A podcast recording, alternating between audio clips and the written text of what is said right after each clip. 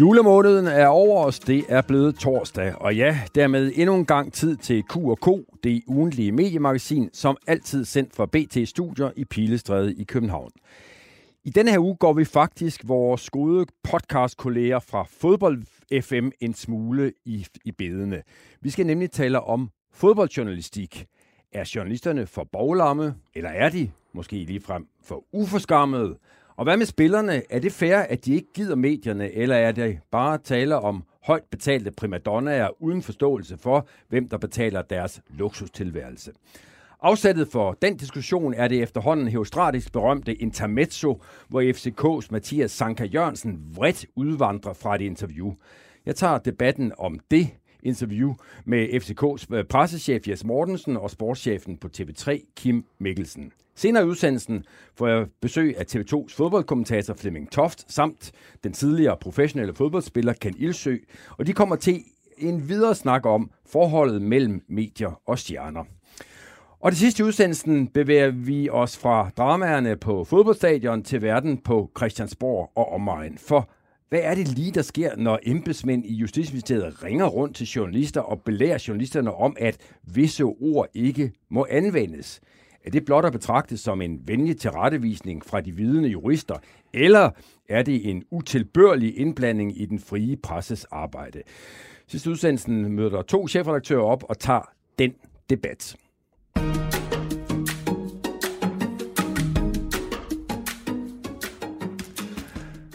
Og hvem mund, der i denne uge er min gæstevært? Ja, nu har jeg jo allerede antydet, at øh, det kommer til at handle en del om fodbold i den her udsendelse.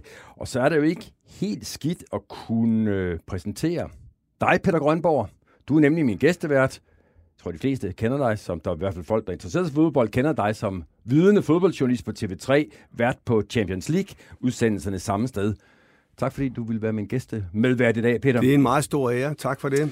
Det er godt at høre. Vi er jo gamle kolleger. Ja, det er vi jo for så vidt stadig. Vi er begge journalister, men vi har haft samme arbejdsplads. Det har vi, ja. Og dengang var det nok mere dig, der interviewede mig end omvendt. Der sad du inde hos mig rigtig ofte, da jeg var vært på TV2 News. Vi var med til at starte TV2 News sammen. Ja øh, tilbage 1. december 2006. Det er jo lige ved at være, ja, hvad er det? Ej, jeg kom nu et par år senere, men det er rigtigt. Når du, du kom først senere? Ja, jeg, kom, jeg kom i 0, 0 i starten. Det er bare fordi, jeg interviewede dig så mange gange, så jeg, jeg husker dig, som om du var der hele tiden. Men, ja, så bliver du senere studievært på de, øh, på, på de større øh, 19 og 22 udsendelser. Ja, på hovedudsendelsen på TV2, ja. Og der sidder jeg godt nok også indimellem på det, vi kalder kosteskabet. Ja, ja.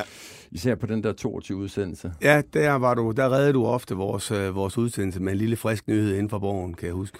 Savner du øh, den der sådan mere brede, generelle journalistik, man jo i sagens natur øh, beskæftiger sig med, når man sidder på, på TV2 News og på hovedudsendelserne der som studievært? Nej, det vil jeg faktisk ikke sige, jeg gør. Altså, det er klart, at det var utrolig sjovt at være med til at, at starte TV2 News, og jeg kan også konstatere, at TV2 News kører jo efter min mening fremragende i dag. Øh, hvad hedder det, der er hvis der sker noget stort i verden, så er der noget om det på news, så kan man tænde news, øh, så kører det, og det er en, en fornøjelse at sidde og se på.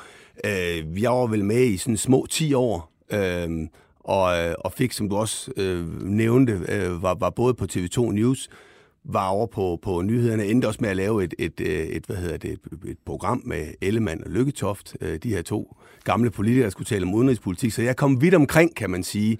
Så jeg synes ikke, ligesom at sige, den del af journalistikken skylder mig noget på den måde. Så, øh, så det at gå tilbage til, til fodbold, det var sådan en con ting. Ja, tilbage til, fordi det hører med til historien. Du har været sportsjournalist tidligere, inden du så kommer på, på TV2. Ja, det er korrekt. Det, det, og, og, øhm, og det var jo en kæmpe mulighed at få lige pludselig at kunne komme over og lave, hvad skal man sige, almindelige nyheder. Øh, sportsjournalistik er jo meget specialiseret. Øhm, så det var jo utrolig sjovt at være med til at starte TV2 News. Øhm, og, og ja, som sagt, jeg prøv, synes, jeg fik lov til at prøve enormt mange sjove ting. Der skete rigtig meget i de år og sådan noget. Altså, så, øh, så, det, så det var rigtig sjovt. Nu skal vi snakke meget mere om, hvad, hvad sportsjournalistik er senere i udsendelsen. Men, men, men kan du, hvis jeg spørger dig, Peter, sætte bare sådan tilnærmelsesvis på formel, hvad forskellen er mellem, skal vi kalde den, den almindelige journalistik og så sportsjournalistikken? Jamen, der er selvfølgelig nogle forskelle, men jeg vil også sige, at der er mange ligheder. Altså, øh, med det, du selv beskæftiger dig med, øh, politik inde på borgen. Altså, der kører ligesom også nogle cykluser med nogle finanslovsforhandlinger, og så er der nogle landsmøder, der skal dækkes og sådan noget, og vi gør det på på stort set samme måde hver eneste år. Jeg vil så, jeg vil så sige, at uh, MeToo og uh, corona har jo så lidt brudt det trivielle i det, år. Det må man sige. Der, der er virkelig sket et, et, et, et markant skifte. Det ved jeg også, vi sikkert kommer tilbage til lidt senere i den her udsendelse. Men ellers vil jeg generelt sige, at det er jo det er også et spil, der kører derinde. Man kan så sige, at det betyder måske lidt mere, end sport gør. Sport, det er jo noget, vi foretager os i vores fritid. Det er et aktivt tilvalg, vi foretager i, i, i vores fritid. Men der er mange af mekanismerne, som, som, som er de samme. Altså, turneringen går i gang, Brøndby taber tre kampe i træk, nu skal træneren fyres osv. Altså, sådan kører det jo også op og ned i, i journalistik. Jamen, det er bare for at sige, at når man sidder og er studievært på, øh, på nogle ting, øh, så, så oplever jeg egentlig ikke forskellen værende enormt stor øh, i forhold til selve formidlingen af det, der sker. Jeg sidder og tænker på, og det kan du så betragte som sådan en, en, en lidt selvrensagende bemærkning, men jeg, jeg er egentlig ikke sikker på, at, at, at, alle vil skrive under på, at, at sportsjournalistikken betyder mindre for dem, end den politiske journalistik, sådan som den udføres, betyder for dem. Nej, men, no, nej, altså hvad, hvad mener du? Nej, men jeg mener, at jeg tror i virkeligheden, at, at, at folk mange bedre vil kunne undvære den politiske journalistik end, end, end sportsjournalistikken. Det kan du selvfølgelig have ret i, men så kunne du så, hvis vi fortsætter diskussionen, sidde og sige, at det var vigtigt med den politiske journalistik, fordi det er noget, der betyder noget for dig og mig og fru Hansen og herr Jensen og sådan noget lignende, så, så, så kan vi blive ved. Men der, der er ingen tvivl om, og det er jo også derfor, at, øh, at jeg sagde ja til at komme tilbage til fodbold. Der er jo ingen tvivl om, at fodbold, sport i det hele taget, betyder rigtig meget for rigtig mange mennesker. Altså, og det er selvfølgelig også vigtigt, hvordan sport bliver formidlet. Øh, og derfor er det for, anser det som en, en lige så fornem opgave, som at være øh, Christiansborg-reporter eller, eller, eller studievært på TV2 News og være vært for, for, for Champions League på TV3. Men understreger du det, altså det, at det er lige så fornemt, fordi du indimellem mødes med den fordom, at det ikke er lige så fornemt? Altså, da jeg begyndte i faget her i midten af 90'erne, faktisk i det her hus, hvor vi sidder på Berlingske Tiden i 1996, der var det en meget almindelig opfattelse øh, blandt journalister, at, at sportsjournalistik var andenrangsjournalistik. Øh, og det tror jeg også Flemming Toft, som kommer ind og besøger os lidt senere her, vil skrive under på, at altså for eksempel journalister inde på borgen og så videre, regnede ikke rigtig sportsjournalister for nogen. Det er nogen, der sad op på et hjørnekontor et eller andet sted og drak en voldsom masse øl, og så var de gode venner med kilderne og knuppede dem op og ned af ryggen, og fik nogle gode historier den vej. Øh, og, og der vil jeg sige... Øh, Sådan er det ikke længere. Nej, og det passede heller ikke helt dengang. Selvfølgelig var der, var der en rem af huden, det er der jo ofte, men, men det passer overhovedet ikke længere. Jeg oplever sportsjournalistik i dag når jeg kigger rundt omkring i medielandskabet, som er meget, meget seriøs, øh, og jeg synes, at, at, at outputtet af sportsjournalistik i Danmark er, er, er virkelig flot. Altså, det er en høj kvalitet, som der bliver produceret sådan set både på aviser og også på de elektroniske medier. Tror du, tror du, det kommer lidt bag på nogle af dem, som sportsjournalisterne så beskæftiger sig med, at, at de der sådan, kan du sige, klassiske journalistiske discipliner har fundet indpas der? Altså Henrik, jeg tror, jeg vil lige sige noget andet. Altså, øh, du kunne godt have været en af dem, der sagde til mig dengang på TV2 News, og var, fordi vi havde kendt hinanden i mange år, også inden det, øh, fra forskellige sammenhænge i branchen, som ligesom tabte kæben og siger, hold da op, hvor er du dygtig til at være vært her på TV2 News. Det troede jeg da ikke, fordi du var sådan set bare en sportsjournalist. Altså. Og jeg synes egentlig, det var jo egentlig beviset på, at det handler jo ikke så meget om, om, om, om, om, øh, hvad skal man sige, altså det er, jo, det er jo det at kunne formidle nogle ting, som er kunsten i vores arbejde. Og så kan der jo så være forskellige grene af faget, vi er mere dygtige til end andre og sådan noget, men, men, men, men det at kunne, kunne tage, for eksempel som sportsjournalist, det på TV2 News, det vigtigste, det var, at vi skulle lave breaking news. Det var noget helt nyt i Danmark. Der blev også grinet meget af det osv. Men der skulle man jo ofte holde tingene i gang meget længe og sidde og tale om, mens der kørte en eller anden bil ind med Angela Merkel, som landede ude i lufthavnen. Så skulle man finde på et eller andet at sige. Det og et, træde vande hedder det. Træde vande simpelthen. Og det lærte vi jo virkelig i de år. Men som sportsjournalist, der træder du jo enormt meget vande. Altså, øh, for eksempel når du kommenterer en fodboldkamp, fordi at guderne skal vide, at der ikke, det er ikke alle fodboldkampe, der er lige dramatiske. Øh, øh, så der skal trædes en del vande ofte. Øh, og det er sportsjournalister faktisk rigtig dygtige til. Øh, de er dygtige til at, at, at få afleveret deres ting lynhurtigt. Nogle gange, når de sidder og dækker fodboldkampe, de skrivende journalister, så skal de aflevere næsten før kampen er slut. Altså, så, så selve professionen sportsjournalist har været sådan lidt med urette set ned på synes jeg, i mange år. For der er mange, mange dygtige folk rundt omkring i sportsjournalistbranchen. Jeg sidder faktisk og kommer i tanker om en god øh, kollega på TV2, som også var verdensmester i at træde vande. Det var han var så politijournalist, det var KR Skov, som kunne stå i ja. timevis ja. af 30 vande. Jeg, husker, jeg ved ikke, om du husker det, Peter.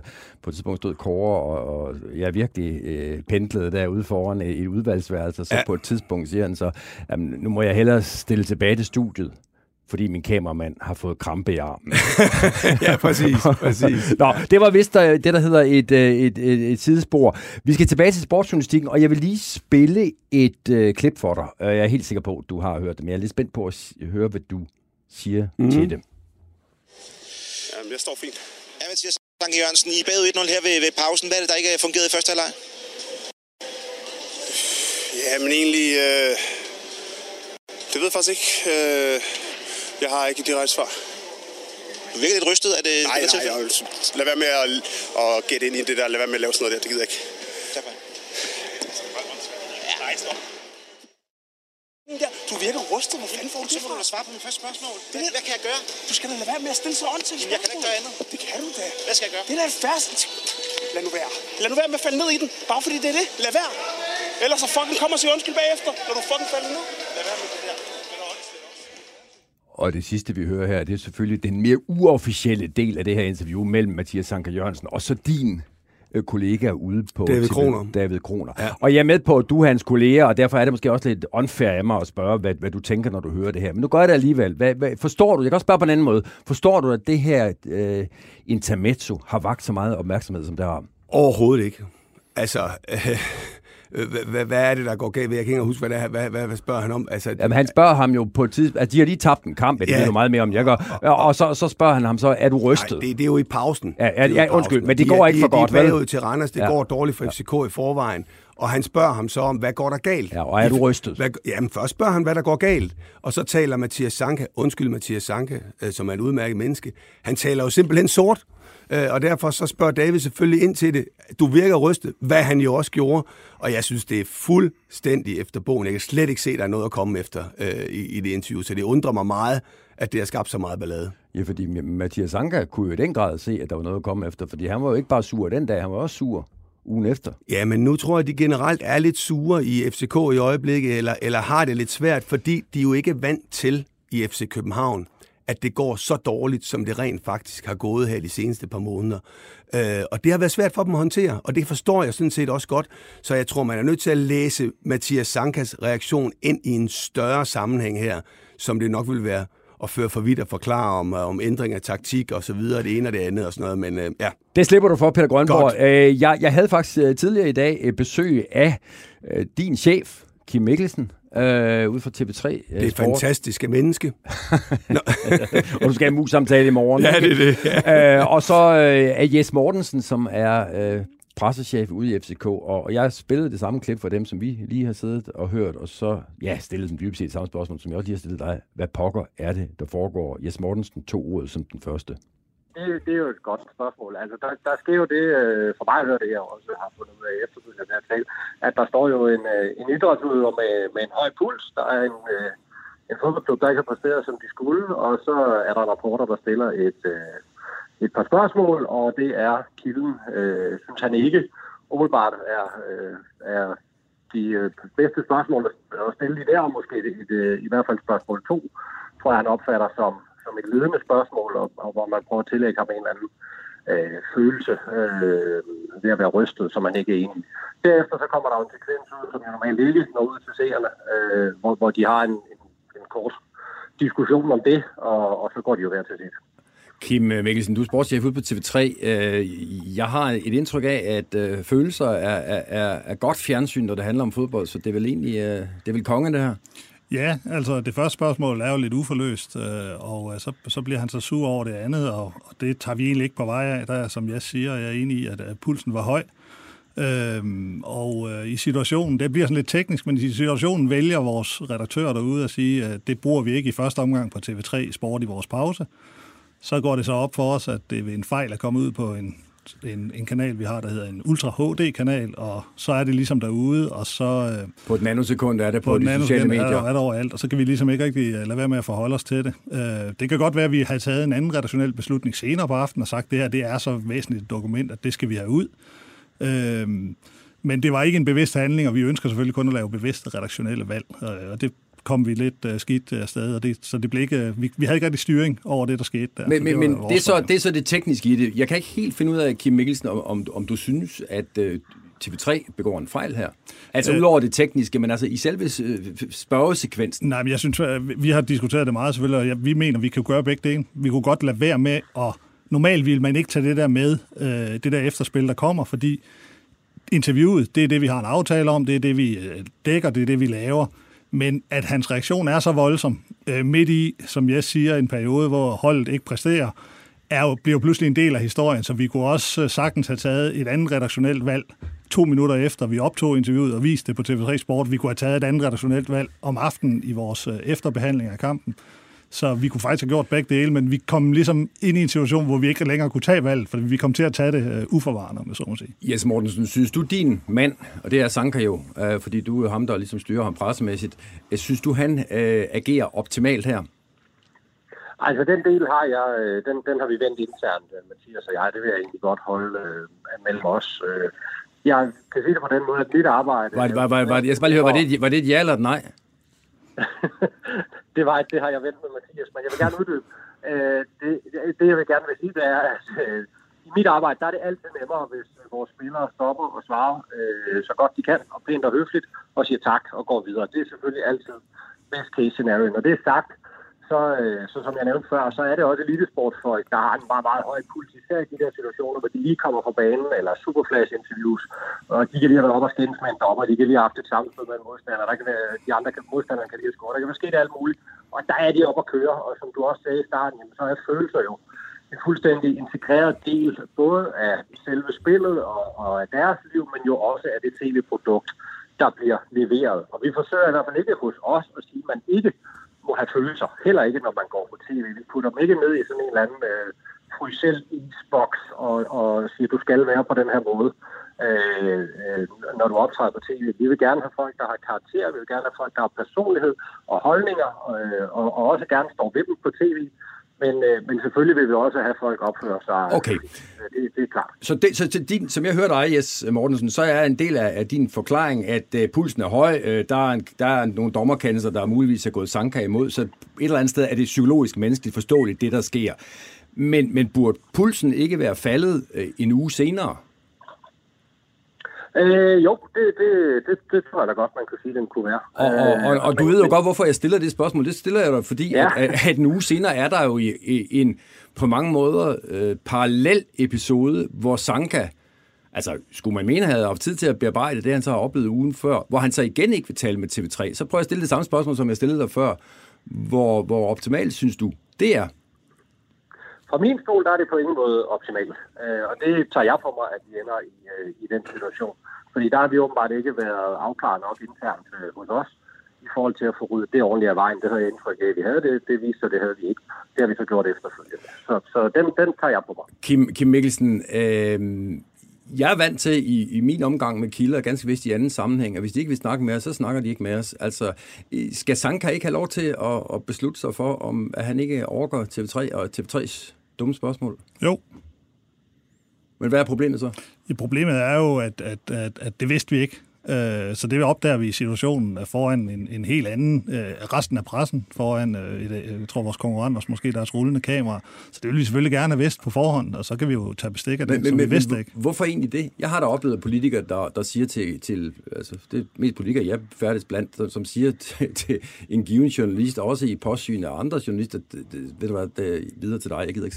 Jamen. Altså, hvor, hvorfor er det, du synes, det er det, jeg prøver at krabbe mig ind på, hvorfor er det, du synes, at du har en særlig ret til at, at at, at Sanka, for, eller for den sags skyld FCK, briefer dig på forhånd, hvis han ikke vil snakke det, med dig? Det synes jeg heller ikke uh, nødvendigvis, jeg har. Men det er klart, når der foregår et, et optrin foran uh, den samlede uh, danske verdenspresse her under BT's mand, som så ringer til mig to minutter efter og siger, der har lige været en episode, hvad siger du til det? Mm. Så er det klart, så er jeg nødt til at forholde mig til det. Så jeg har ikke været ude og sende en pressemeddelelse ud om, at nu er jeg sur på Sanka, fordi han ikke vil stille op, op hos os.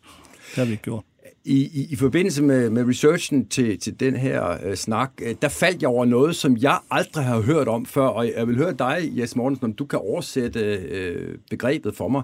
Det er et såkaldt rettighedsinterview. Hvad er det for noget? Nå, jamen, jamen der er jo i den øh, tv-aftale, der ligger mellem øh, klubberne og de to øh, hovedrettighedshaver, altså nemt, som Kim kommer fra, Discovery, øh, Øh, en aftale om, at der i forbindelse med kampe er øh, aftalt et vist antal interviews, som klubberne øh, stiller op til både før, under og efter kampen. Øh, det betyder ikke nødvendigvis, at det skal øh, være Sanka eller skal være en bestemt anden, men vi forsøger selvfølgelig øh, hele tiden at efterkomme det, fordi det er en del af den aftale, der ligger imellem os, at vi stiller øh, spillere til rådighed og trænere til rådighed osv. Øh, i forbindelse med kampe, som vi har aftalt det, og det skal vi selvfølgelig gøre øh, hver eneste gang, og det, det, det gør vi også vores ypperste for. Det, jeg vil også sige, omkring den her episode, jamen vi laver jo, øh, og TV3 laver vel tusindvis af interviews hver eneste sæson. Øh, vi laver ikke tusindvis, men vi laver i hvert fald hundredvis af interviews hver eneste sæson, og langt, langt, langt de fleste, hvis jeg siger 99 ud af 100 eller 98 ud af 100, fungerer jo fuldstændig øh, problemfrit, også selvom man oplever, at spillere eller træner eller andre egentlig er uenige i en præmis i et interview eller et spørgsmål eller et eller andet, jamen, jamen så, så kommer vi videre fra det, og så taler folk sammen bagefter, og så, så ser vi på hinanden igen næste søndag, og så er vi videre. Ikke? Og så lad mig lige Og her, spørge... der, Ja, der, der sker jo så, øh, der, der kommer det så til at trække længere ud, end det skulle have gjort. Kim Mikkelsen, lad os nu antage, at øh, den her boykot fra Sankas side øh, var blevet længerevarende. Øh, vil det så være betragt, altså boykot af TV3, vil det så være blevet betragtet som et kontraktbrud?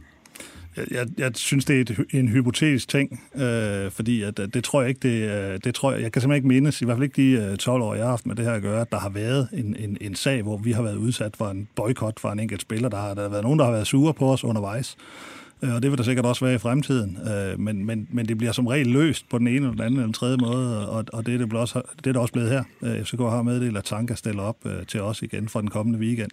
Og omkring det her med rettighedsinterview, vil jeg også godt lige få i til, det er jo rigtigt, øh, det kan godt lyde mærkeligt i, i medieører, men det er jo noget, vi har fået indført, øh, fordi øh, det kender du altid, Henrik, når man kommer til, til brylluppet, så, så, så er det ikke altid, så, så vil vi også gerne have, at man er der til begravelsen. Så når vi skriver under og holder fest og skåler i champagne, om nu har vi lavet en treårig forlængelse, så er alle glade. Men så er vi jo journalister, så dækker vi Superligaen. Også det, der foregår uden for de fire streger, hvide streger. Så derfor er det vigtigt for os, at de ikke, at, at, at vi, at de ikke kan boykotte os, øh, når vi går ind, og når vi laver journalistik på den, for det er, er vi først og fremmest. Vi er rettighedshaver, men vi er først og fremmest journalister. Og, og, og i forlængelse af det, Jes Mortensen, har du ikke en kæmpe pædagogisk opgave i det job, du har, i at fortælle, eller med at fortælle dine spillere, at når de kan køre i pænt store biler og bo pænt øh, godt, og i øvrigt øh, kunne gå på dyre restauranter, så hænger det blandt andet sammen med, at Kims firma vil betale for øh, at vise fodboldkampen, og herunder også, at, der bliver stillet nogle kritiske spørgsmål en gang imellem. Jo, og det er de også fuldt ud klar over. alvor, alle vores spillere, de ved udmærket godt, at det er en del af pakken. Øh, når du gerne vil være professionel fodboldspiller, hvis ikke du vil være med til det, så kan du spille, øh, spille fodbold på et andet niveau. Det følger med, når du er professionel fodboldspiller på allerhøjeste niveau. Og, at, og især omkring kampe, hvor der netop er ikke er nogen aftaler, jamen så er det sådan, det er. Og det, det, det, det skal man sådan set. Øh, og, og det ved de godt. Og det, som jeg sagde før, så bliver der jo lavet tusindvis af interviews omkring dansk fodbold og i Superligaen hver eneste år, øh, og, og det bliver jo gennemført, og som Kim siger, så er det jo yderst, yderst sjældent, at der sker det, at en, en, en ikke vil stille op i forbindelse med en kamp og sådan noget. Og der har vi så haft en episode her, den har vi klaret internt hos os, og så er vi, øh, så er vi sådan set videre derfra. Nu, nu er du ikke til stede i studiet, Jes Mortensen. Øh, det er Kim Mikkelsen. Derfor kan jeg sidde og, og studere Kim. Og da du sagde, det ved de også godt, så, så lavede Kim sådan noget andet med hovedet, der, hvis jeg lige skal oversætte det, du må du rette mig, Kim Mikkelsen, så, så, så var det et tegn på, at den er god med ham, Jes Mortensen. Det er der nogen af dem, der godt ved, men det ved de ikke andre. alle sammen. Nogen mere end andre. Se lidt mere. Nogen, ja, nogen ved det mere end andre. Så Jeg der, tror, nogen, hvis jeg må supplere, Ja. jeg tror, det er helt klart, som Kim siger, der er jo, der er jo vi har, vi har spillere i vores trup, som, som godt kan lide at være i fjernsynet, som synes, det er en spændende del af deres arbejde, og gerne vil. Øh, øh, ikke at de kommer og banker på min dør og siger, må jeg ikke lave nogle flere interviews, men som hellere end gerne stiller op og også giver noget af sig selv og er på. Så har man nogen, som rigtig gerne er fri. Altså der er de jo mennesker, ligesom alle os andre på en eller anden måde, selvom de har flere penge så, øh, så er der nogen, der ikke bryder sig så voldsomt meget om det. Og så har vi også nogle med stærke øh, karakterer og personligheder, som, som har nogle holdninger til det, vi beder dem om at gøre. Og dem er Sanka der iblandt, det er der ingen tvivl om, han er den mand, der har en, en, en stærk karakter og nogle stærke holdninger til, øh, hvad han møder, og møder han noget, han føler uretfærdigt, så gør han opmærksom på det, uanset om han får mange penge eller ej. Øh, altså, og, og, og, og derfor er fodboldspillere jo heller ikke bare skære over en kamp, at det er fodboldspillere. De er jo lige så forskellige som, som, som alle mulige andre mennesker. Øh, men, men de skal kende præmissen om, at interviews og ligesom det øvrigt er med, at når de skal ud til sponsorarrangementer og alt muligt andet, at det er en del af pakken, og den, den følger med, hvis man, hvis man lever af at spille fodbold. Jes Mortensen, nu sagde du, hvis de møder noget, eller hvis Sanka møder noget, han synes er uretfærdigt. Jeg skal bare lige forstå, Nej, det ved jeg ikke, om det er den følelse, han har. Nej, for det er det, jeg skal høre. Altså, var det et ja. uretfærdigt spørgsmål, som TV3's journalist stillede der? Jamen, det vil jeg ikke øh, være dommer over. Altså, det jeg, hvis jeg skal rådgive nogle fodboldspillere om, hvad, hvad de kan svare, uanset hvad spørgsmålet er, så er det jo, at dybest set, så er det jo ikke reporteren, du taler med, det er seeren. Øh, og derfor skal man jo svare efter, hvad man vil gerne vil have seeren øh, oplever og høre, og hvordan de ser en, i stedet for at diskutere, om et spørgsmål er godt eller dårligt. Men nu prøver jeg alligevel, jeg prøver lige at holde dig lidt fast her, Jes, fordi udover at være pressechef i, øh, i FCK, så er du jo også journalist og har tidligere arbejdet på TV2, og du kender jo godt et godt relevant spørgsmål, når du ser et. FCK har været i en kæmpe krise, de spiller en møgkamp, og så spørger journalisten, er du rystet? Er den ikke helt inden for skiven? Jamen, det, det vil jeg ikke være dom over. Det er, det er, det er Kim og hans øh, tv-selskab, der bestemmer, hvad de spørger om, og vi, det er kun op til os, hvad vi ønsker at svare. Og, og, og for mig personligt, hvis, hvis det er det, du spørger om, jeg vil ikke have haft noget problem med, det spørgsmål kom til mig. Øh, det, det ville have været fint. Jeg tror, at det, det for Sanka, tror jeg, og det igen, øh, det nu tolker jeg jo på følelser, øh, at, at han oplever det, som om han bliver lagt et ord i munden, som han ikke er enig i og det reagerer han på. Øh, Lægger I ham ord i munden? gjort det eller ej, det kan man altid diskutere. Nej, altså for, for vores del, øh, så synes vi, det er fuldstændig inden for skiven, både spørgsmål 1 og spørgsmål 2, øh, og det har vi også ros David Kroner for. Så der er ikke noget... Som er, som er journalist, der stiller spørgsmålet derude. Så der er ikke noget, vi sådan, på den lille konkrete del har, har, har noget at skulle, hvad skal man sige, beklage eller trække, trække land på. Også lidt overraskende, men det tror jeg også, Jes jo sådan set lidt siger, ikke? Det, vi har at gøre med en landsholdsspiller, der har spillet i i Premier League og i, i Bundesligaen og for, for hektiske stadions nede i Tyrkiet. Altså han har prøvet noget, der var mere angstprovokerende, tror jeg, end at få de to spørgsmål.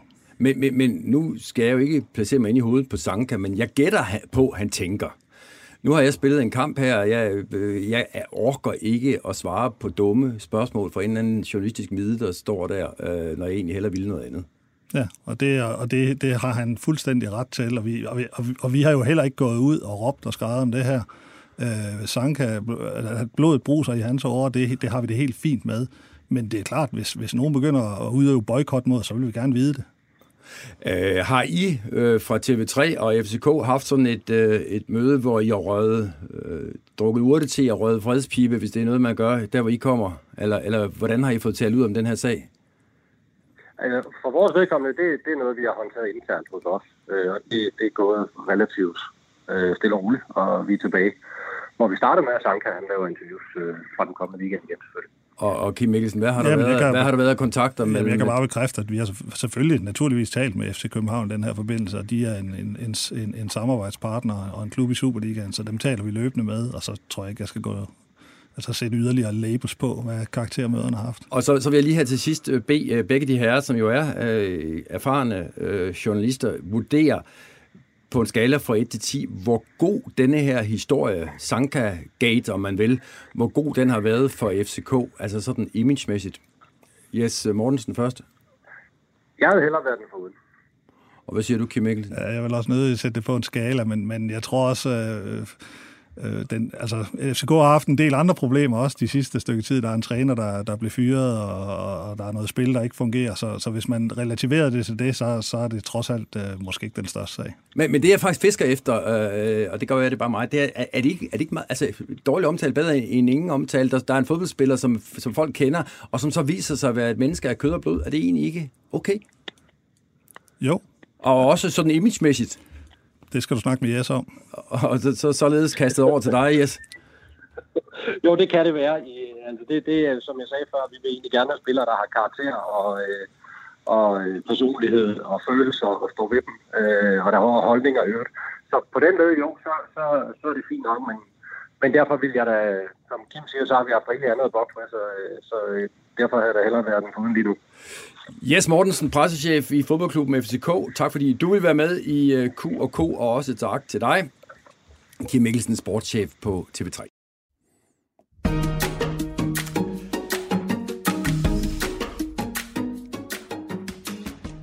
Ja, vi slipper ikke fodbolden sådan lige, fordi i mellemtiden har jeg fået fornemt, vil jeg gerne tillade mig at sige, besøg i studiet af dig, Flemming Toft, øh, fodboldkommentator, tror jeg, du kalder dig på, øh, på TV2. Og med på en øh, telefonlinje har jeg forhåbentlig Ken Ilsø, professionel fodboldspiller. Er det ikke rigtig kendt? Jo, tidligere professionel fodboldspiller. Tidligere, det vil jeg faktisk også have sagt, men så blev jeg lidt i tvivl. Men du har, du har, stillet, øh, du har stillet støvlerne. Øh, godt, ja. du vil være med. Lad mig lige prøve at, at starte med dig, Ken Ilsø. Øh, nu, nu sagde jeg før, jeg, jeg er jo ikke magtet at sætte mig ind i hovedet på Mathias Sanka. Det kan være, at du kan gøre det. Kan du forstå den reaktion, vi oplevede der for et par søndage siden?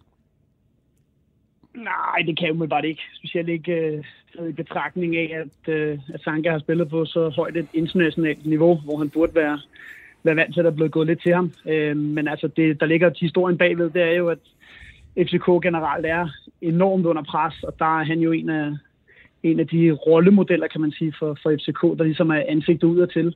Øhm, så, så hvis jeg var i FCK, så ville jeg være lidt ærgerlig øh, over den måde, han, han reagerede på. Men jeg vil så sige, altså som fodboldspiller, så ved vi jo tit godt, hvad det er, vi vil blive spurgt om, eller spurgt om. Altså, vi ved jo godt, om, hvordan det er, vi skal gå ind til det her interview, om det er med den negative tone på, eller det er den positive tone på. Altså, hvad det er, der bliver let efter på en historie. Øh, og i, i, i den her situation, jamen, øh, bagud øh, mod Randers i pausen, der tror jeg godt, at, at, at Sanka, han ved godt, hvad det er for en, hvad det er for en tone, der bliver lagt af i interviewet. Øhm, og ja, specielt, altså jeg synes med, med, med det første spørgsmål, altså øh, den måde, han svarer på, jamen, så virker han jo rystet, så jeg synes egentlig, at det var, at det var, det var helt normalt, at, at det følgende spørgsmål blev spurgt, som det gør. Men Ken, prøv lige at tage os med ind. Øh, vi er der aldrig har været sådan nogle steder, i hvert fald ikke i, i voksen alder, med ind i omklædningsrummet. Altså, hvordan taler professionelle fodboldspillere til hinanden om de der journalister, der står og stiller den slags spørgsmål? Jeg ved ikke, om man snakker så meget om journalisterne, men altså, man, man gider jo ikke altid. Altså, øh, det er jo noget, ligesom man, man, man skal igennem, og fodboldspillere også ser det som lidt et must. Øh, men altså, det er jo ikke altid øh, lige sjovt at stå og udtale sig, efter at pulsen lige har været op og, og køre på 180, og så skal man, øh, får man et spørgsmål om, altså nu i det her med tilfælde med Sanka, hvad, hvad der er gået galt i første halvleg. Altså, og jeg vil særligt sige, sådan, som fodboldspiller nogle gange, så har man ikke en skid anelse om, hvad fanden der egentlig gik galt, mm. øh, når man render rundt derinde på den måde. Øhm, så nogle gange så kan svaret godt blive, blive, blive lidt kedeligt og, og usammenhængende eller frustrerende, som i, så, som i den her øh, situation med Sanka.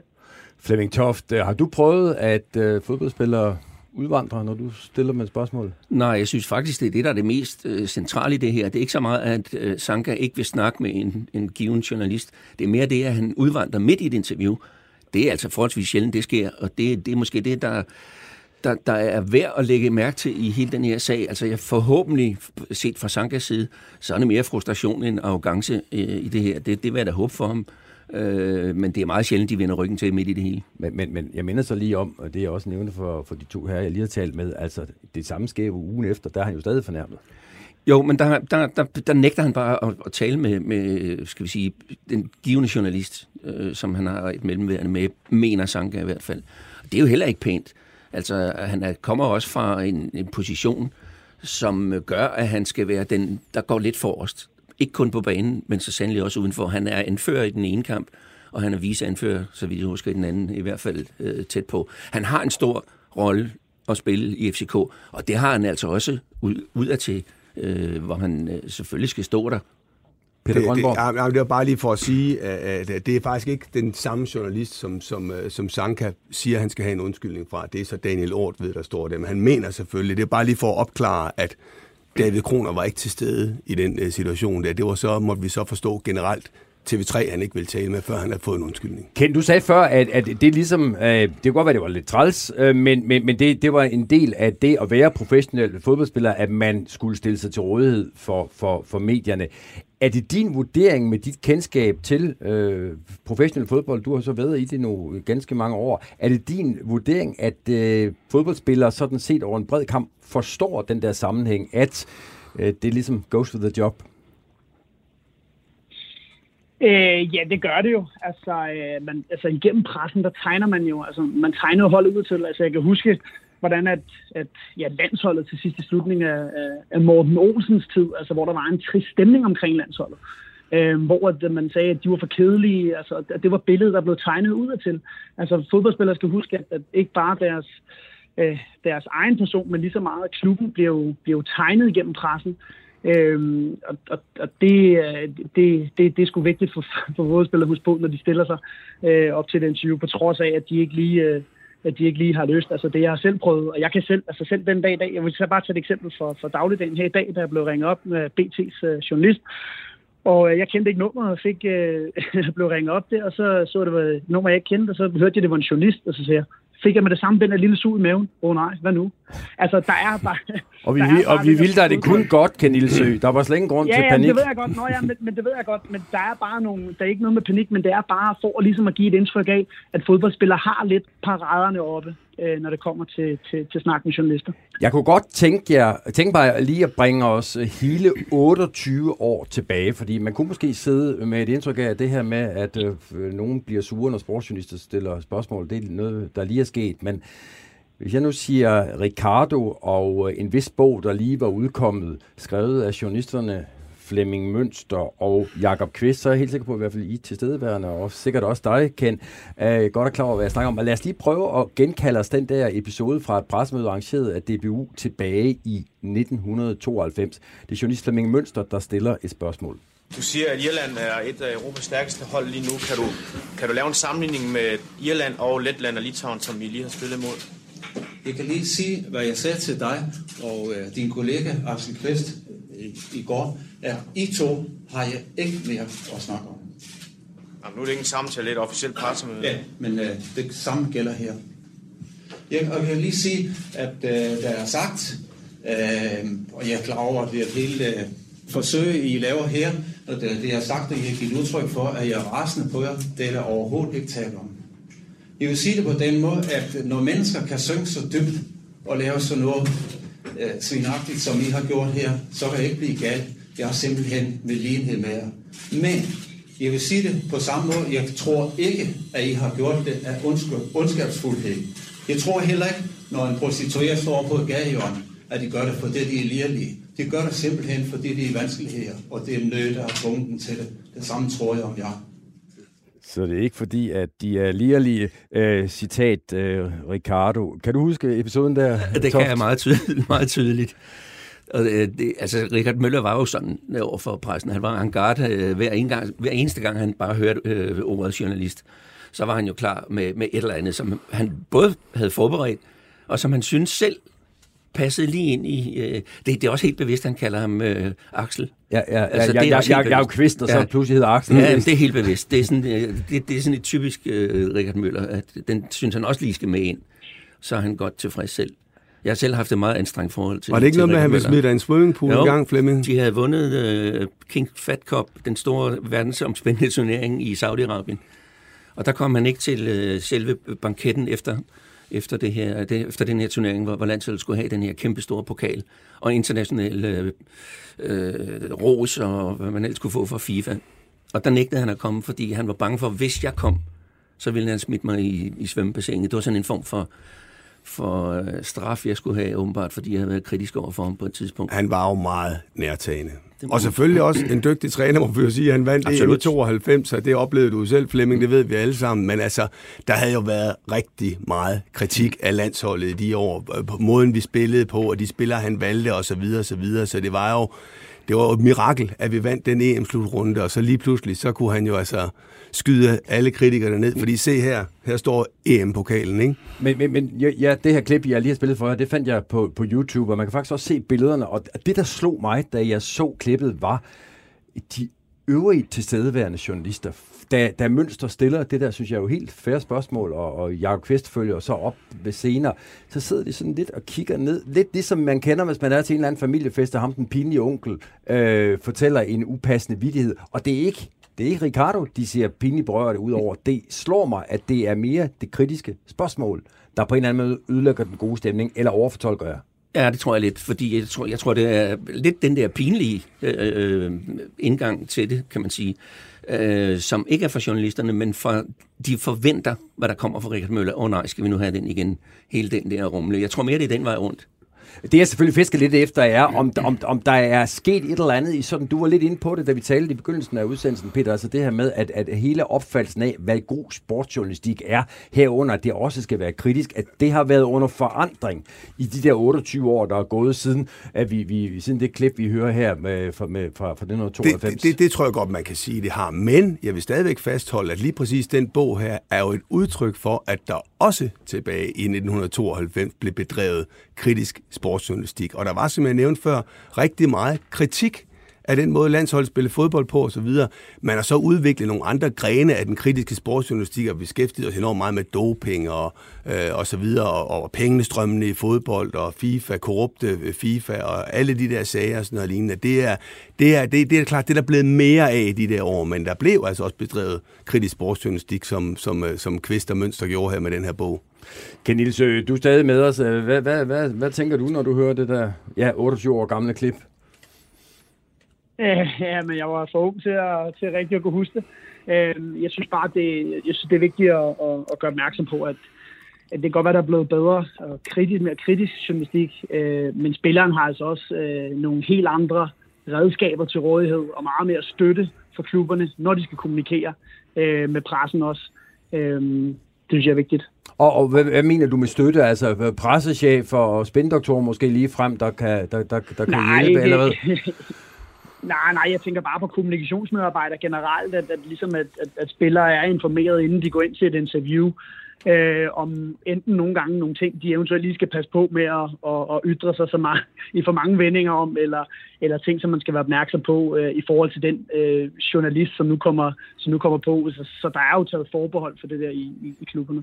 I forlængelse af det, kan Nilsø siger her, altså med professionalisering, der har fundet sted, så, så, så gjorde jeg og min redaktør også den øh, jagttagelse her under forberedelsen til denne her udsendelse. At, og tak fordi du er med os, kendt, men det var godt nok svært at få en fodboldspiller på banen. Altså det, det, det var sgu nærmest nemmere at komme øh, igennem til paven nede i Rom, end at få en øh, fodboldspiller fra, fra, fra FCK på. Altså, hvad er det, der sker der, ja, Grønborg? Jeg tror, at FCK er en helt særlig sag i øjeblikket, fordi at, øh, at FCK er i øjeblikket udsat for en kritisk presse, en kritik fra, fra medierne, som de simpelthen ikke har været vant til i mange, mange år. Vi skal mange år tilbage for at, at finde sådan et medietryk, som FCK er udsat for øh, lige i øjeblikket. Så jeg tror, FCK er en sag for sig. Så jeg forstår godt, øh, også med tanke på den samtale, du havde før med Kim Mikkelsen og, og, og med Jes Mortensen, øh, at der ikke er nogen, der har lyst til at skulle ind her og sidde hos øh, selveste Henrik Kvartrup og komme til at sige øh, noget, som så kan blive tolket i den forkerte retning osv. Så, videre. så det forstår jeg sådan set godt, øh, at, at, at spillerne holder sig ud af her, vil jeg sige. Og der er, jo, der er jo en fra klubben, der er stillet op. Altså, ja, ja, ja. Jes Mortensen har jo stillet op, så... så Tofte, nu du uden at fornærme dig, du er den ældste i selskabet her. Altså, øh, folk fortæller mig, at i gamle dage, der var det sådan, når man skulle lave interviews efter fodboldkampen, så gik man bare ned på, på banen, og så kom spillerne hen, og så var det ikke så indviklet. Men, ja, eller men, i omklædningsrummet. Eller i omklædningsrummet, ja. med dem. Ja. Øh, men, men altså, det, det, den skal vi jo også øh, lige huske, at det er mange år tilbage godt nok, og det var stort set efter, Sepp Piontek kom, at det blev stoppet, den der slags. Altså, man kunne stå på sidelinjen faktisk under opvarmningen, og lige få en spiller til at fortælle lidt om, hvad skal der ske nu i den her kamp, tak, rent taktisk og så videre. Ikke? Men, men, men det er jo... Det er jo jeg er, helt er, det, er, det, er, det, er det en gevinst, eller er det et tab, at det har udviklet sig på den måde? Jamen, det er jo selvfølgelig et tab, når man er journalist, men, øh, men ja, det er en forståeligt uh, tab, kan man sige, at det, udviklingen blev sådan, at det blev lidt mere seriøst på den måde, at de skal også koncentrere sig om det, der sker uh, på banen og i, i, i kampsituationer uh, osv., hvor vi skal gøre noget andet uden for banen. Og så må der være den der tid, hvor man kan uh, være sammen om, om øh, de fælles mål, kan man sige, som, fordi det er jo et fælles mål, øh, både medierne og, og, og fodboldklubberne og spillerne har. Men jeg synes og, mere, det, det, det her... Det skal du lige forklare mig.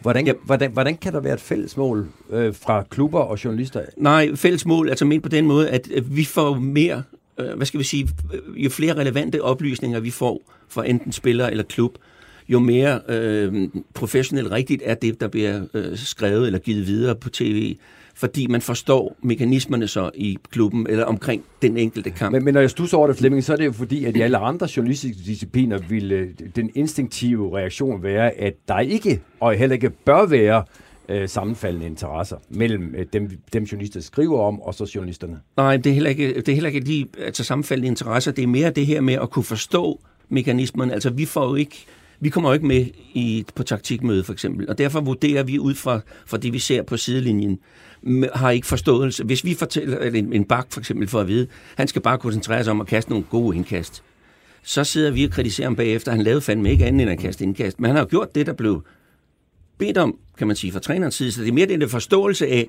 hvad det er, der bliver lagt, øh, lagt ud, kan man sige, i forhold til, til en, en kamp. Og det, det er... Det er blevet lidt bedre igen, vil jeg sige. Der er nogen, der, der oplyser om det øh, sådan lidt, lidt mere øh, overordnet.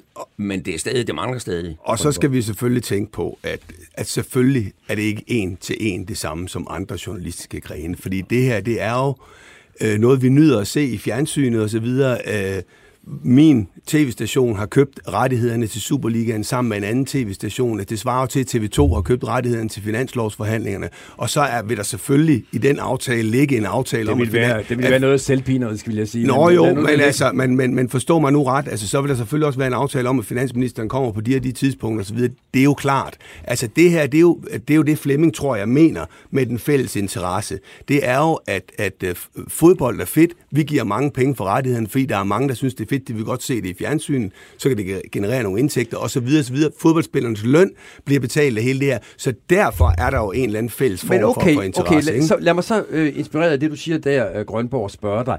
Er en god fodboldjournalists opgave at tale det her fantastiske show op, eller er det, som journalister traditionelt ville tænke, at finde håret i suppen? Jamen, det er da begge dele, Henrik. Det er da selvfølgelig begge dele, og der er jo også forskellige funktioner inden for fodboldjournalistikken. Men hvis du har noget omkring afviklingen af en kamp, som det her Sanka-interview er, det er et interview i pausen.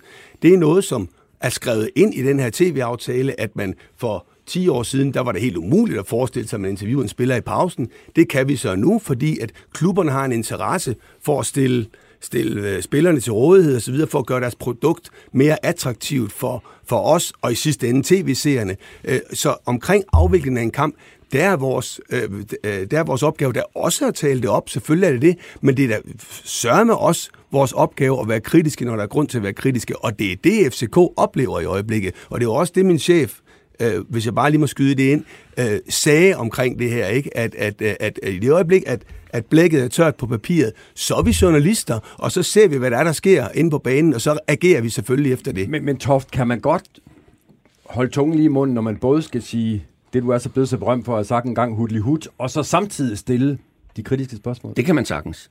Det, det er to vidt forskellige ting, fordi Altså, når du først er i gang med, med kampen, og som, som øh, Peter siger, altså, når, når kontrakten er lavet mellem, øh, i det her tilfælde, landsholdet og, og TV2, jamen så er, det, så er det væk, så er det ikke vores spor. Så er det vores spor at være journalisterne. Og det er det også, når de, når de spiller, kan du sagtens være begejstret over øh, landsholdet, øh, der kører, eller et, hold, et dansk hold, der, der kører øh, på optimalt, som det gjorde under den her EM-turnering. Og så alligevel komme med de kritiske ting, for han fik jo kritik bagefter, landstræneren selvom de havde vundet øh, Europamesterskabet. Så derfor kan du sagtens have begge, øh, hvad skal vi sige, begge dele med i helheden. Peter Grønborg, vært på Champions League, blandt andet på mm. øh, TV3. Øh, tak fordi du vil deltage i denne diskussion. Du er ikke helt øh, løsladt endnu, men det er du til gengæld.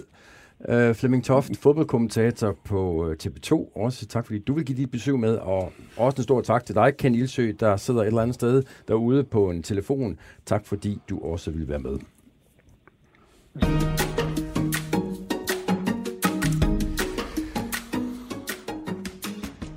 Og så skal jeg spørge dig, øh, Peter Grønborg, fordi nu skal vi virkelig skifte scene. Uh, nu skal vi nemlig over i den, det, der lidt mere til er min uh, nu, er du mere, nu er du mere bekvem, Henrik. Nu er du på hjemmebane. Synes du ikke, jeg virkede på hjemmebane, ja. da vi talte fodbold? Nej, vi skal nemlig lige også runde uh, en, anden, en anden episode fra ugen, der er gået her.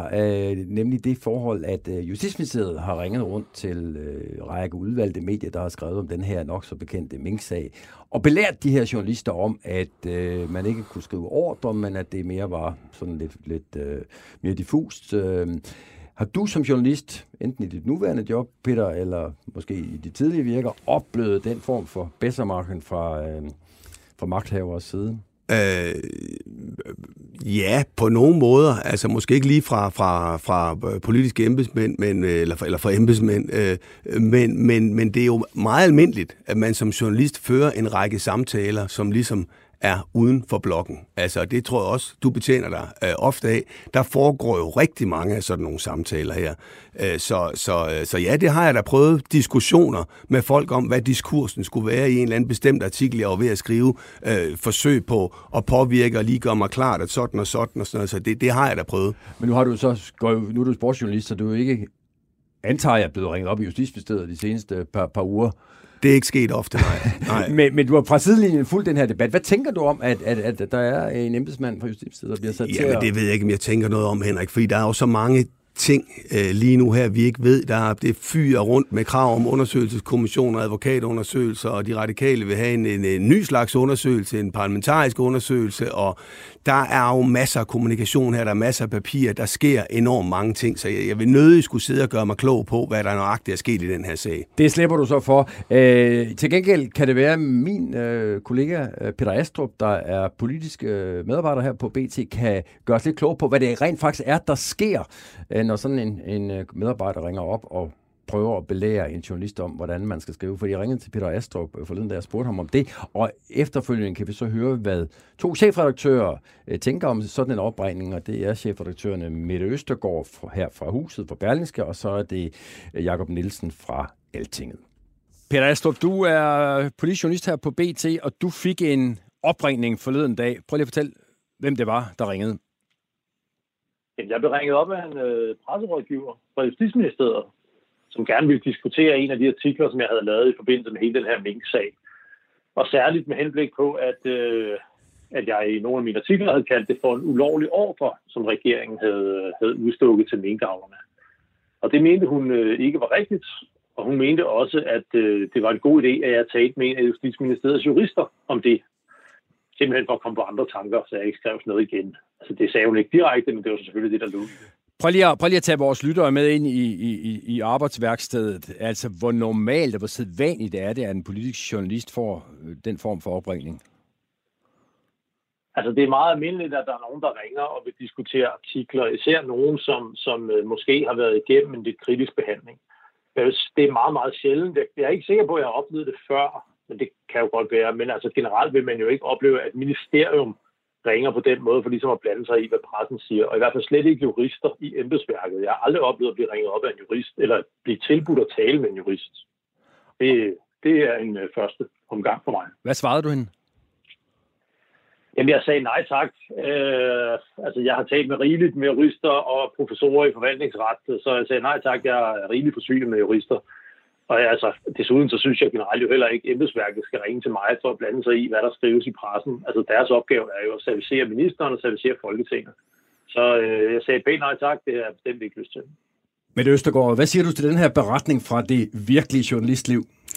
Jamen, det er et udtryk for en øh, tendens, som vi har oplevet øh, over de senere uger, øh, at vi lige pludselig har øh, meget kontakt med embedsmænd, øh, jurister, øh, særligt fra Justitsministeriet, som har et ønske om at fortælle os, hvordan øh, virkeligheden hænger sammen, øh, og som ikke altid er enige i vores øh, vinklinger, i vores øh, fortolkninger og udlægninger af blandt andet redegørelser. Og øh, det er der sådan set ikke noget øh, odiøst i, øh, at øh, man gerne vil øh, forklare fagligheden. Problemet er her, at vi oplever, at man ringer med en vis agenda øh, om, at øh, vores indhold skal pege i en særlig retning. Og jeg synes også, at det er bemærkelsesværdigt, at vi lige pludselig bliver ringet op med de her intervaller af øh, embedsmænd og jurister, fordi det må jeg sige, det er ikke en kontakt, vi er vant til at have. Vi prøver nogle gange selv at få fat på embedsmænd uden øh, held, så det, at de selv ringer til os, det er uvandt. Men inden jeg nu lige giver ordet til min anden gæst, øh, Jacob Nielsen fra øh, Altinget, så vil jeg bare lige spørge dig som djævelens advokat, hvis ikke øh, embedsmænd for Justitsministeriet skulle give lyd fra sig, når Berlingske skriver noget, der juridisk ikke er rigtigt, hvornår skulle de så? Jamen, det er, problemet her er jo, at Justitsministeriet sådan set ikke kun kommer med en, øh, det jeg vil sige, sige, en uvildig faglig vurdering. Øh, Justitsministeriet er i denne sag også part. Vi gør os meget umage med at høre en lang række af eksperter, når vi skal have vurderet, om der for eksempel er tale om et lovbrud, fordi det er meget komplekst. Derfor kan vi ikke bare bero os på en enkelt ekspert eller to. Vi tager som regel en række. Øh, og i de her tilfælde er juristerne i Justitsministeriet så uenige i nogle af de tolkninger og vurderinger, vi får. Øh, og det er det jo så også i sager, som omhandler dem selv. Og det er jo det, der gør det en, et lidt øh, særligt øh, i den her situation, at de sådan set selv er part i den sag, de vil lave en vurdering af. Ja, Nielsen, hvis jeg nu skal prøve at oversætte det med, det Østergaard siger, og for så vidt også det, som Peter Astrup har fortalt os, så, så, så ligger der jo en eller anden form for intimidering i, at Justitsministeriet på den her måde ringer. Køber du den? Jeg har jo ikke overvejet samtalerne, så det synes jeg er svært at sige. Man kan jo, det kan jo godt have været en intimiderende samtale, det ved jeg ikke noget om, men jeg synes, det i sig selv, at et ministerium eller en embedsmand ringer og siger, prøv at høre, det I har skrevet, det er helt hen i skoven, og vi ser det helt anderledes, eller vi synes, I skulle skrive det på en anden måde. Det synes jeg er en del af det almindelige øh, arbejde som journalist, at man bliver ringet op på den måde af alle mulige slags kilder, og det må man jo forholde sig til som journalist, og det glædelige ved det er, synes jeg, at det giver en mulighed for at få et nyt blik på sagen, og man kan som journalist sige, om det var da spændende, er det noget, du vil sige til citat, og hvis de ikke vil det, så siger hvorfor vil I ikke det? Er det alligevel ikke helt sikkert? Eller du ved, altså det åbner nogle muligheder som journalist, og derfor er min point i den her sag bare, at jeg synes ikke, at man skal som udgangspunkt i hvert fald klage over, at kilder ringer til en. Det synes jeg altid er en mulighed. Nu kalder, du det, nu kalder du det kilder. Hvis jeg nu kaldte det magthavernes håndlanger, er jeg så for polemisk? Nej, men de er jo parter, som, øh, som, som Mette Østergaard siger, de er jo en part i sagen. Det, det vil jeg sige, det er et ministerium altid, når de ringer, og derfor er altså, parter er jo også kilder. Altså ligesom en interesseorganisation også er en part med en kilde, eller alle mulige andre. Det, det synes jeg ikke, der er noget odiøst. Jeg, jeg vil alligevel bare godt, lige bare for, for sådan, så vi har et fælles grundlag at tale ud fra, Prøv at læse op fra den mail, som den pågældende medarbejder i Justitsministeriet sendte, efter at hun havde talt med Peter Astrup, som vi lige har hørt. Og der skriver hun, Kære Peter, det fremgår af dine spørgsmål i artiklerne, at regeringen, citat, fortsætter den ulovlige aflivning. Den påstand er ikke korrekt, og noget vi mener bør korrigeres. Der er ingen myndighed, der har aflivet mink uden for smittezonerne uden hjemmel, og derfor kan man ikke sige, at, citat, regeringen fortsætter den ulovlige aflivning. Det kan godt være, det er bare mig, Jacob Nielsen, men jeg synes, vi er et skridt videre her, fordi, eller jeg vil også spørge dig, frem for selv at fastslå det, er, er, er embedsmanden her, der skriver det her, ikke ude og tage klar stilling i noget, der er en højspændt politisk sag? Jo. Og hvad er problemet? Ja, hvad er problemet med Østergaard? Ja, problemet er jo, at i for eksempel det øh, tilfælde, som du læser op der, der har vi jo haft øh, redegørelser, som viser, at det faktisk var ulovlige handlinger, der på det tidspunkt ikke var lovhjemmel.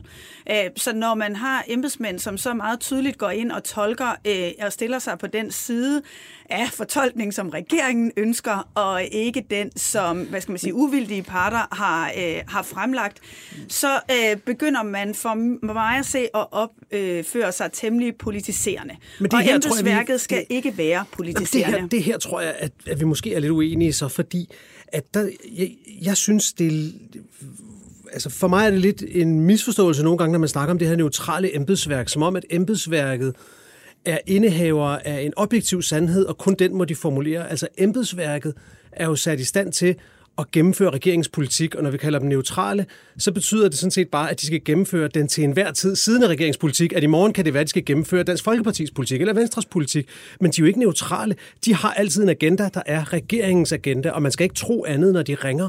Og derfor synes jeg jo bare, når de ringer, så er de en kilde, og hvis de ringer og skriver sådan noget der, det synes jeg da, hvis det er imod, hvad al juridisk ekspertise siger, det ved jeg ikke, om det er, men hvis det er det, så er det da en god historie. Så har man da en mega god historie. Justitsministeriet skriver noget, som to eller 20 eller 100 jurister siger er forkert. Det synes jeg lyder som en god historie. Men er, er det at overdramatisere henvendelsen der, hvis man synes, der i den ligger en henvendelse fra magthaverne om, hvilke ord, hvilke formuleringer den frie det, presse skal bruge? Det har jeg tit oplevet, at embedsmænd og spindoktorer og alle mulige andre har sagt, ej, du kan ikke skrive du kan ikke skrive, at vi er rasende, eller du kan ikke skrive, at et eller andet. Det synes jeg, at man oplever rigtig tit, det, og så må man jo gøre op med sig selv, om man synes, det er rigtigt eller Men det oplever vi jo hele tiden, især fra spindoktorer. Og øh, Jakob og jeg er jo så øh, gamle, det er øh, Henrik også. Vi har også siddet på Christiansborg på et tidspunkt, hvor det var mere almindeligt, at man talte med embedsværket.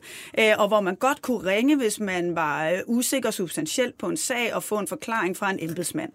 Det gør vi sjældent i dag. Altså, der er lagt et lag af spindoktorer ind mellem embedsværket og, og journalisterne, som gør, at det i mange, mange tilfælde vil være spindoktorerne, som man har en kontakt med. Og dem er vi jo på alle måder bevidste om, at de er hyret til at fremme en særlig agenda.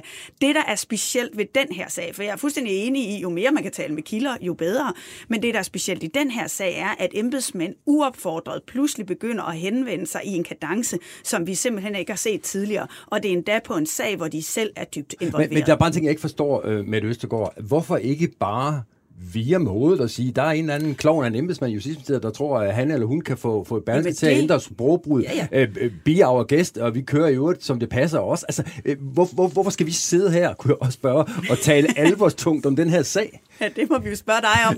men det er jo begge op, men, det har været en debat hele ugen. Det har det selvfølgelig, og, øhm, og øh, det virker vi jo også på hovedet af. Altså, jeg vil gerne understrege, at vi har ikke ændret indholdet af vores artikler, selvom vi har fået de her henvendelser. Vi har skrevet om, at øh, Justitsministeriet øh, udsender pressemeddelelser og redegørelser om, at de ikke mener, man kan tale om, at der er en ulovlig ordre. Øh, så vi dækker det journalistisk, og vi lader os ikke intimidere. Det tror jeg er den rigtig vigtige øh, øh, konklusion at have på det her journalistisk. Men når vi oplever, at et embedsværk og en regering begynder at, at agere anderledes i forhold til os, så er det selvfølgelig en pressediskussion, fordi det er også en diskussion, hvor vi som presse skal være ekstremt bevidste om, så ikke at lade os påvirke. Jakob Nielsen, du er øh, tidligere USA-korrespondent, du er jagttager af, hvad der foregår i USA. Du blander dig også i, i, i meget af det, vi ser derovre fra. Når jeg nu siger Donald Trump, øh, og måske antyder, at jeg kunne få et eller andet déjà vu her, er jeg så for langt ude? Ja, det synes jeg. Det synes jeg. Altså... Øh Altså, Donald Trump, det er jo så mange ting, så nu ved jeg ikke lige, hvad Nå, du tænker nej, på. Men, men selvfølgelig i relation til det her med, at man fortæller medierne, hvilke ord de skal bruge, og hvad de ikke må skrive. Ja, men jeg synes, du skal på, hvordan du siger det, fordi de henvender sig og siger, vi synes, det der er totalt forkert, det I skriver. Vi synes, I er helt galt på den, og det er forkert, og det synes jeg lyder som en god historie, som man så må forfølge og prøve at opklare og finde ud af, hvad der er op og ned i.